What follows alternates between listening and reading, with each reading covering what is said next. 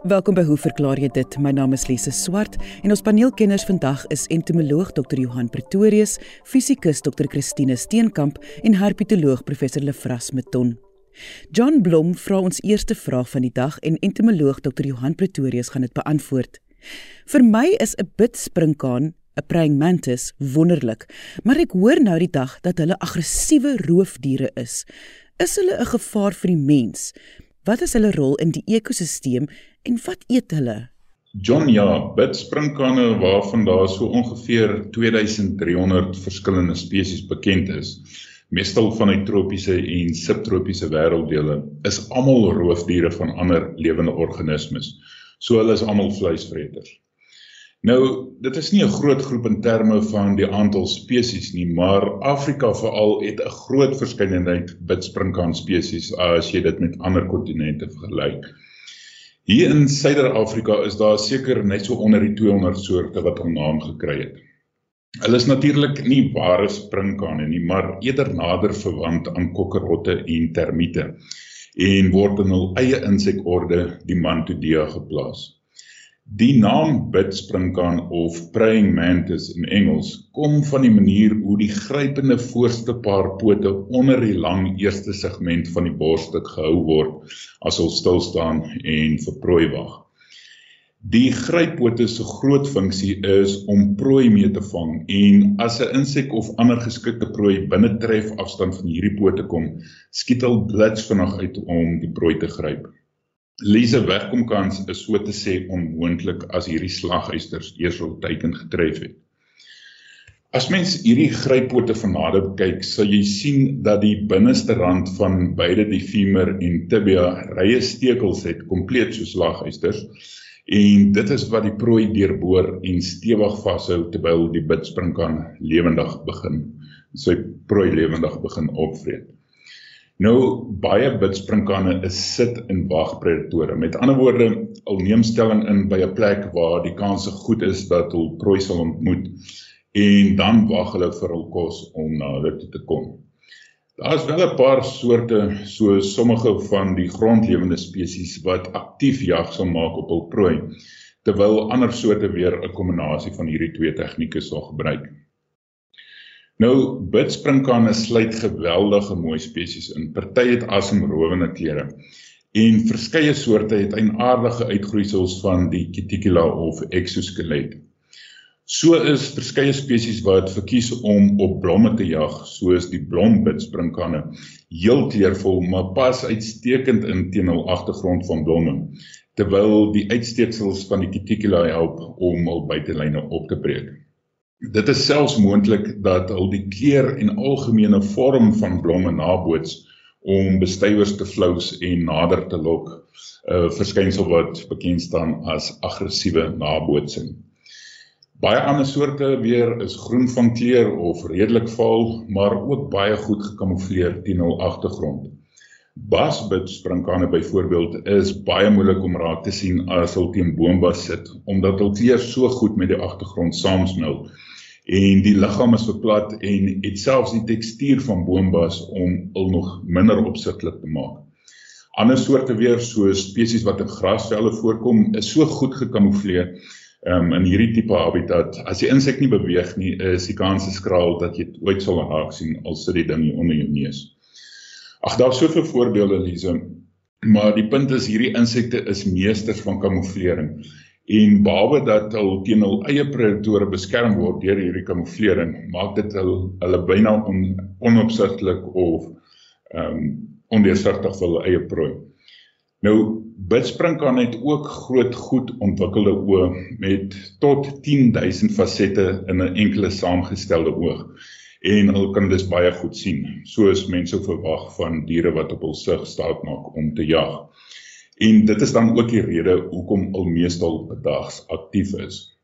Hulle het ook 'n aardige vermoë onder insekte om hul driehoekige koppe te kan ronddraai om prooi dop te hou sonder om die liggaamsposisie te verander wat natuurlik hul teenwoordigheid kan weggee.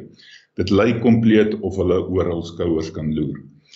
So John mens kan seker aan hul dink as aggressiewe predatore, maar ek dink effektiewe predatore is meer beskrywend. Hul morfologie en gedrag is so goed aangepas vir hierdie tipe van lewenswyse. Nou, wat vreet bitsprinkane en wat is hul ekologiese rol? Hulle is algemene voeders en nie vreeslik kieskeurig nie. Omtrent enige geleedpotige wat hulle kan oorweldig is potensiële prooi.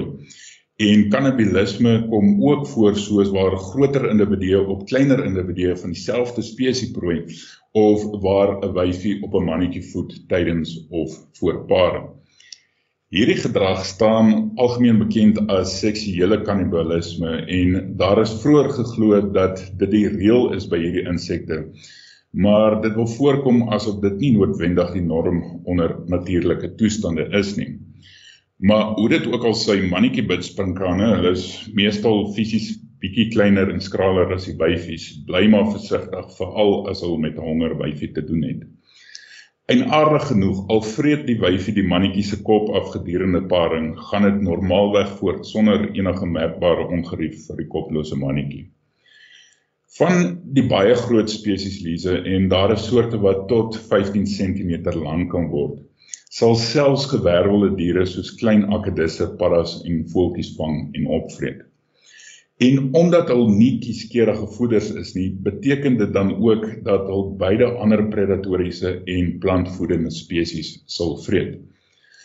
As hulle op voordelige insekte en ander geleedpotiges voed soos byvoorbeeld spinnekoppe, bye um, of skoenlappers, is dit uit 'n menslike oogpunt nadelig, maar as plaaginsekte gevang word, sien ons dit weer as voordelig. So die werklike ekologiese belang van hierdie insekte is dat hulle die getalle van ander organismes help reguleer en in toom hou in die natuur. Ten spyte daarvan of ons nou sulke diere as goed of skadelik klassifiseer. Nou watter bedreiging hou hierdie insekte vir die mense? Ek kan jou gerusstel John, daar is absoluut geen gevaar nie. As jy een van die groter spesies met jou kale hande vang, is die ergste wat sou gebeur 'n gekrap met die stekels van die grypote wat soms die vel kan breek en kan bloei terwyl hulle jou probeer byt maar dit is meer van 'n geknibbel as iets ernstigs. En dit is natuurlik nie om jou te probeer opvreet nie, selfs bitsprinkannetjie nul eie perke, maar eerder 'n poging om te probeer ontsnap. So vir bitsprinkane is dit eenvoudig, as dit te groot is, los dit. As dit lyk of dit kan regkom, vang dit. Verder is hierdie insekte ook glad nie giftig nie en hulle is ook nie chemies beskerm nie en geen bidspringkaan sal 'n mens opsetlik aanval nie. So jy hoef nie in vrees vir bidspringkane die tuin en veld te vermy nie. Sommige soorte sal ook 'n aggressiewe houding inneem as hulle bedreig voel met die voorpote uitgestrek en die vlerke wat opgelig word om helde kolle en merke te ontbloot wat mens nie normaalweg raak sien as die insek stil sit nie, maar dit is alles net 'n gebluf. Net vir interessantheid Lize, Die gryppote van bitsprinkane is nie 'n unieke kenmerk tot hierdie insekorde nie. Daar's byvoorbeeld 'n familie van netvlerkige insekte in die orde Neuroptera met die familienaam Mantispidae wat algemeen bekend staan as valsbitsprinkane. Hulle is glad nie naverwant aan die egte bitsprinkane nie, maar hulle het 'n byna identiese aanpassing van die voorpote ontwikkel om prooi mee te vang. En dieselfde verskynsel sien ons ook by sekere ander insekte wat ook nie naverwant aan bitsprinkane is nie. So om af te sluit Lize, dit sal dalk verbasend wees om te hoor dat sommige bitsprinkane ore het. Hierdie ore in aanhalingstekens vind ons veral by sommige bitsprinkaan spesies wat kan vlieg. Terloops nie alle spesies kan vlieg nie omdat hul vlerke te klein is of hulle het bloot nie vlerke nie. En dit is nie een stel of een paar ore soos ons mee bekend is nie, maar eerder 'n enkele oor bestaande uit 'n tympanum orgaan, amper soos 'n oordrom wat aan die onderkant van die lyf naby aan die basis van die agterste twee paar pote gevind word. En die doel van hierdie oor is om die ultrasoniese klanke van vlermuise wat jag op te tel En as die vlermuis naderkom, sal die bidsprinkaan bloot ophou vlieg, sy vlerke toevou en in 'n vryval gaan om die vlermuis te ontduik. So John, niks te vrees vanaf bidsprinkaane nie. Hierdie is fascinerende insekte in hul eie reg. En dit was entomoloog Dr. Johan Pretorius. Volgende het Christof van Struisbaai 'n vraag wat fisikus Dr. Christine Steenkamp gaan beantwoord. Hoe verklaar jy dit dat 'n plat lens nie lig kan fokus nie? Hoekom kan 'n plat lens nie lig fokus nie? Ons weet natuurlik almal dat dit so is, maar om te verduidelik hoekom dit so is, is nie so eenvoudig nie. Ons moet eers verstaan hoe lig beweeg in verskillende materiale en by die skeidingsvlakke tussen verskillende materiale. In die geval van 'n lens is die twee materiale die glas waaruit die lens gemaak is en die lug wat die lens omring. Lig beweeg vinniger in lug en stadiger in glas. Dit is 'n eienskap van die materiale. Dit veroorsaak dat die lig van rigting kan verander by die skeidingsvlak tussen lug en glas. Kom ons dink eers net aan 'n plat stuk glas, 'n plat lens of 'n vensterruit. As die ligstraal uit die lug loodreg op die plat oppervlak van die glas inkom, dan verander die lig se rigting nie. As die lig met 'n hoek op die glas se plat oppervlak inkom, dan verander die lig se rigting wel. Dit buig na die loodregte bewegingsrigting toe. Dit word ligbreking of refraksie genoem. Die manier waarop ek onthou hoe lig buig, kom iewers uit my kinderjare. Ons het 'n speelding gehad met twee wiele wat mens met 'n lang handvatsel gestoot het. amper soos 'n draadkar, maar met net twee wiele. As 'n mens die speelding op 'n gladde plaveisel gestoot het, het dit maklik gery. As 'n mens dit in sand gestoot het, het dit stadiger gery. As 'n mens se roete nou vanaf die plaveisel in die sandput in was en jy het die rand van die sand skuins getref, dan het die wiel wat die sand eerste getref het stadiger gegaan terwyl die ander wiel ingehaal het. En so het die speelding dan gedraai om 'n pad te volg wat ongeveer loodreg op die rand van die sandbak was. By lig kan 'n mens natuurlik nou meer noukeurig bereken. Deur Maxwell se vergelykings te gebruik, presies hoeveel die lig in die rigting van die loodregte rigting toe sal buig as dit uit die lug waar dit vinniger beweeg in die glas ingaan waar dit stadiger beweeg. Die hoeveelheid wat die lug buig hang af van die hoek waarteen dit die glas se oppervlak tref. Loodreg beteken dit buig nie en hoe groter die hoek is, hoe meer buig dit. As die lug natuurlik weer uit die glas uitbeweeg in lug in, dan buig dit op 'n soortgelyke manier, maar net in die teenoorgestelde rigting, weg van die loodregte rigting af. As die glas dus plat is, dan tref ligstrale wat aanvanklik parallel aan mekaar is, die glas almal teen dieselfde hoek. Dus buig al die strale, maar hulle buig almal met dieselfde hoeveelheid en bly die strale dus parallel aan mekaar. Die lig word dus nie gefokus nie. Maar as die glaslensvorme geslyp is, dis konveks met die dikste deel in die middel, dan is die hoek waarteen die ligstrale die oppervlak tref nie vir al die ligstrale dieselfde nie. Kom ons aanvaar dat die ligstraal wat reg op die middel van die lens val, loodreg op die lens se oppervlak val en dus nie van rigting verander nie. Dit gaan net reguit deur. Die ligstrale wat in 'n klein sirkel om die middel van die lens inval, kom nie heeltemal loodreg op die oppervlak in nie omdat die oppervlak gekurf is en dus word daardie ligstrale wel gebuig effens na die middel van die lens toe. Die ligstrale wat in 'n groter sirkel om die middel van die lens val, word 'n bietjie meer gebuig na die middel van die lens toe en so voorts. As die lens dan perfek reg geslyp is, dan buig al die strale om by een punt bymekaar te kom by die fokuspunt. In optiese instrumente word verskillende tipe lense gebruik wat spesiaal gevorm is om lig of te fokus of uit te sprei of selfs slegs in die vertikale of horisontale rigting te fokus. Dit werk alles op presies dieselfde beginsel van ligbreking. Jy luister na Hoe verklaar jy dit? My naam is Lise Swart. Nicolet Boshoff van die Weskus skryf: Ek moes gisterand 'n geitjie uit my dogter se kamer verwyder en was verras oor hoe droog die vel is. Hulle lyk dan so slijmerig. Was dit dalk net hierdie spesifieke geitjie wat droog was? Wat veroorsaak uitdroging of wat maak hulle so blink? Nicolet, ek is baie bly jy het uitgevind dat 'n geitjie 'n droë vel het en nie slijmerig is nie. Ek weet nou nie waar jy aan die gedagte gekom het dat hulle dalk slijmerig is nie en dit be bekommer my ook dat jy vra wat hulle so blink maak want geitjies is nie blink nie. Ons skryf wel ander akkedisse wat blink is, veral van die skinke. Dis nou daai wat ons dikwels in ons tuine kry wat so lekker vet kan word.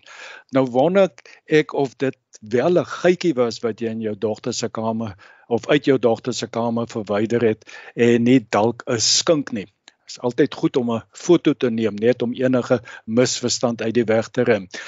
Ek verbeel my ook dat ek al gehoor het dat mense die woord geitjie gebruik asof dit sinoniem met akedus is. Hoe dit ook al sê, uh, kom ons aanvaar ter wille van die bespreking dat jy wel of dat dit wel 'n geitjie was wat jy hanteer het. Ons het al oor die jare baie vrae oor geitjies hier op hierdie program uh beantwoord. Die meeste vrae het gehandel oor hoe 'n mens van geitjies ontslae kan raak. Verskeie geitjies so, soorte uh, lewe mos saam met die mens. Uh, as die mooi woord is, hulle is komensalisties uh, met die mens en hulle uh, vind uh, geboue dan nou 'n uh, lekker plek om te bly want daar's uitstekende skuilplekke. Uh soos die oorgrootste meerderheid van ander akkedisse is geitjies insekvreters. Hulle is naglewend en die insekte wat in die aand na die ligte van geboue aangetrek word, uh, vorm dan vir hulle 'n uh, voedselbron by elke lig. Die geboue verskaf ook 'n magdom van gleuwe en openinge en ander veilige skuilplekke vir geitjies. Ongelukkig is geitjies nou maar redelik morsig as dit by toiletgewoontes kom. Uh hul mis kleef teen die mure en ander oppervlaktes vas daar waar hulle nou sit veral so om die ligte en die wit urinsie kapsels van die mis waar die mis dan nou redelik gekonsentreerd is uh, soos by ligte ook 'n definitiewe reuk afgee. Nou gewoonlik kom hierdie konsentrasies van gietjie mis hoog teen die mure voor waar 'n mens dit nie maklik kan bykom om skoon te maak nie. Uh ek weet daar's ook baie mense wat geitjies grillerig vind en daar's seker goeie redes hiervoor. Die meeste geitjies het mos nie ooglede nie en die groot blink oë oë mag hulle vreesaanjaend laat lyk. Die meeste is ook in staat om vet in die ster te stoor en die groot vetsterte uh kan hulle dan nou baie komieklik laat lyk.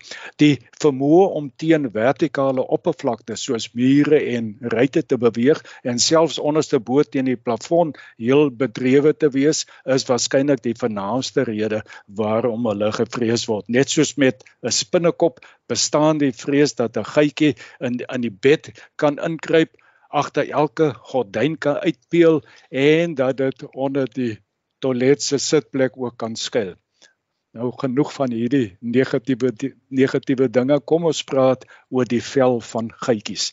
Die meeste geitjies het 'n relatief dun vel met uil verspreide knopvormige skubbietjies anders as by ander akkedisse met goed ontwikkelde uh, oorvleelende skubbe bied die vel van geitjies maar min beskerming teen roofdiere.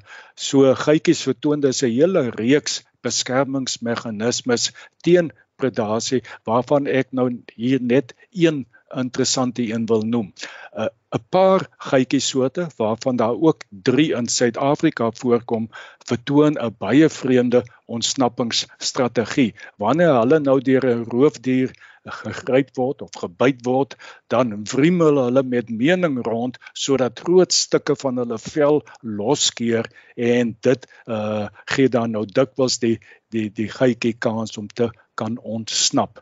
Die geitjie lyk redelik vreesaanjaend so sonder stukke van sy vel, maar die vel herstel gelukkig baie vinnig weer. Kom ons fokus op Nicolet se spesifieke vraag of geitjies droë velle het en wat uitdroging sou veroorsaak. Ek gaan by 'n snaakse plek begin by paddas. Ons assosieer paddas gewoonlik met water of darm ten minste met klampplekke, net soos visse lê die meeste paddas ook hulle eiers in water. Die eiers het nie 'n dop nie en is hoogstens met so 'n jelly laagie bedek vir beskerming. Die mede, meeste paddas het verder ook 'n vry swemmende larvale stadium, die paddavis. Ons kan dit sê paddas is semi-aquaties, uh, met ander woorde grootliks afhanklik van water. Die vel is deurlaatbaar vir water en uitdroging op land, ook van die eiers van enkele soorte wat hulle eiers op land lê, is dan nou 'n wesenlike probleem.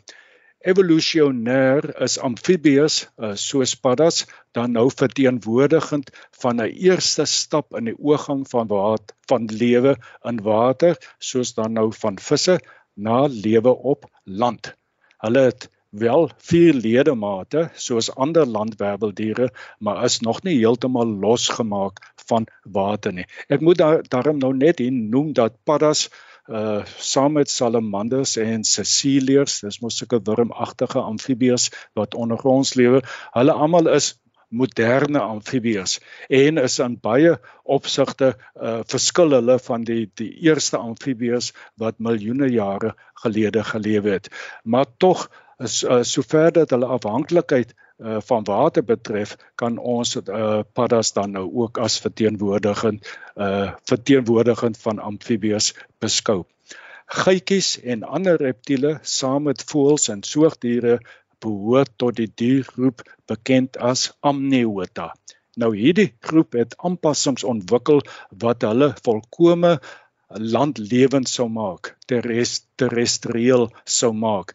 3 embrionale membrane wat die ontwikkelende embriootjie beskerm.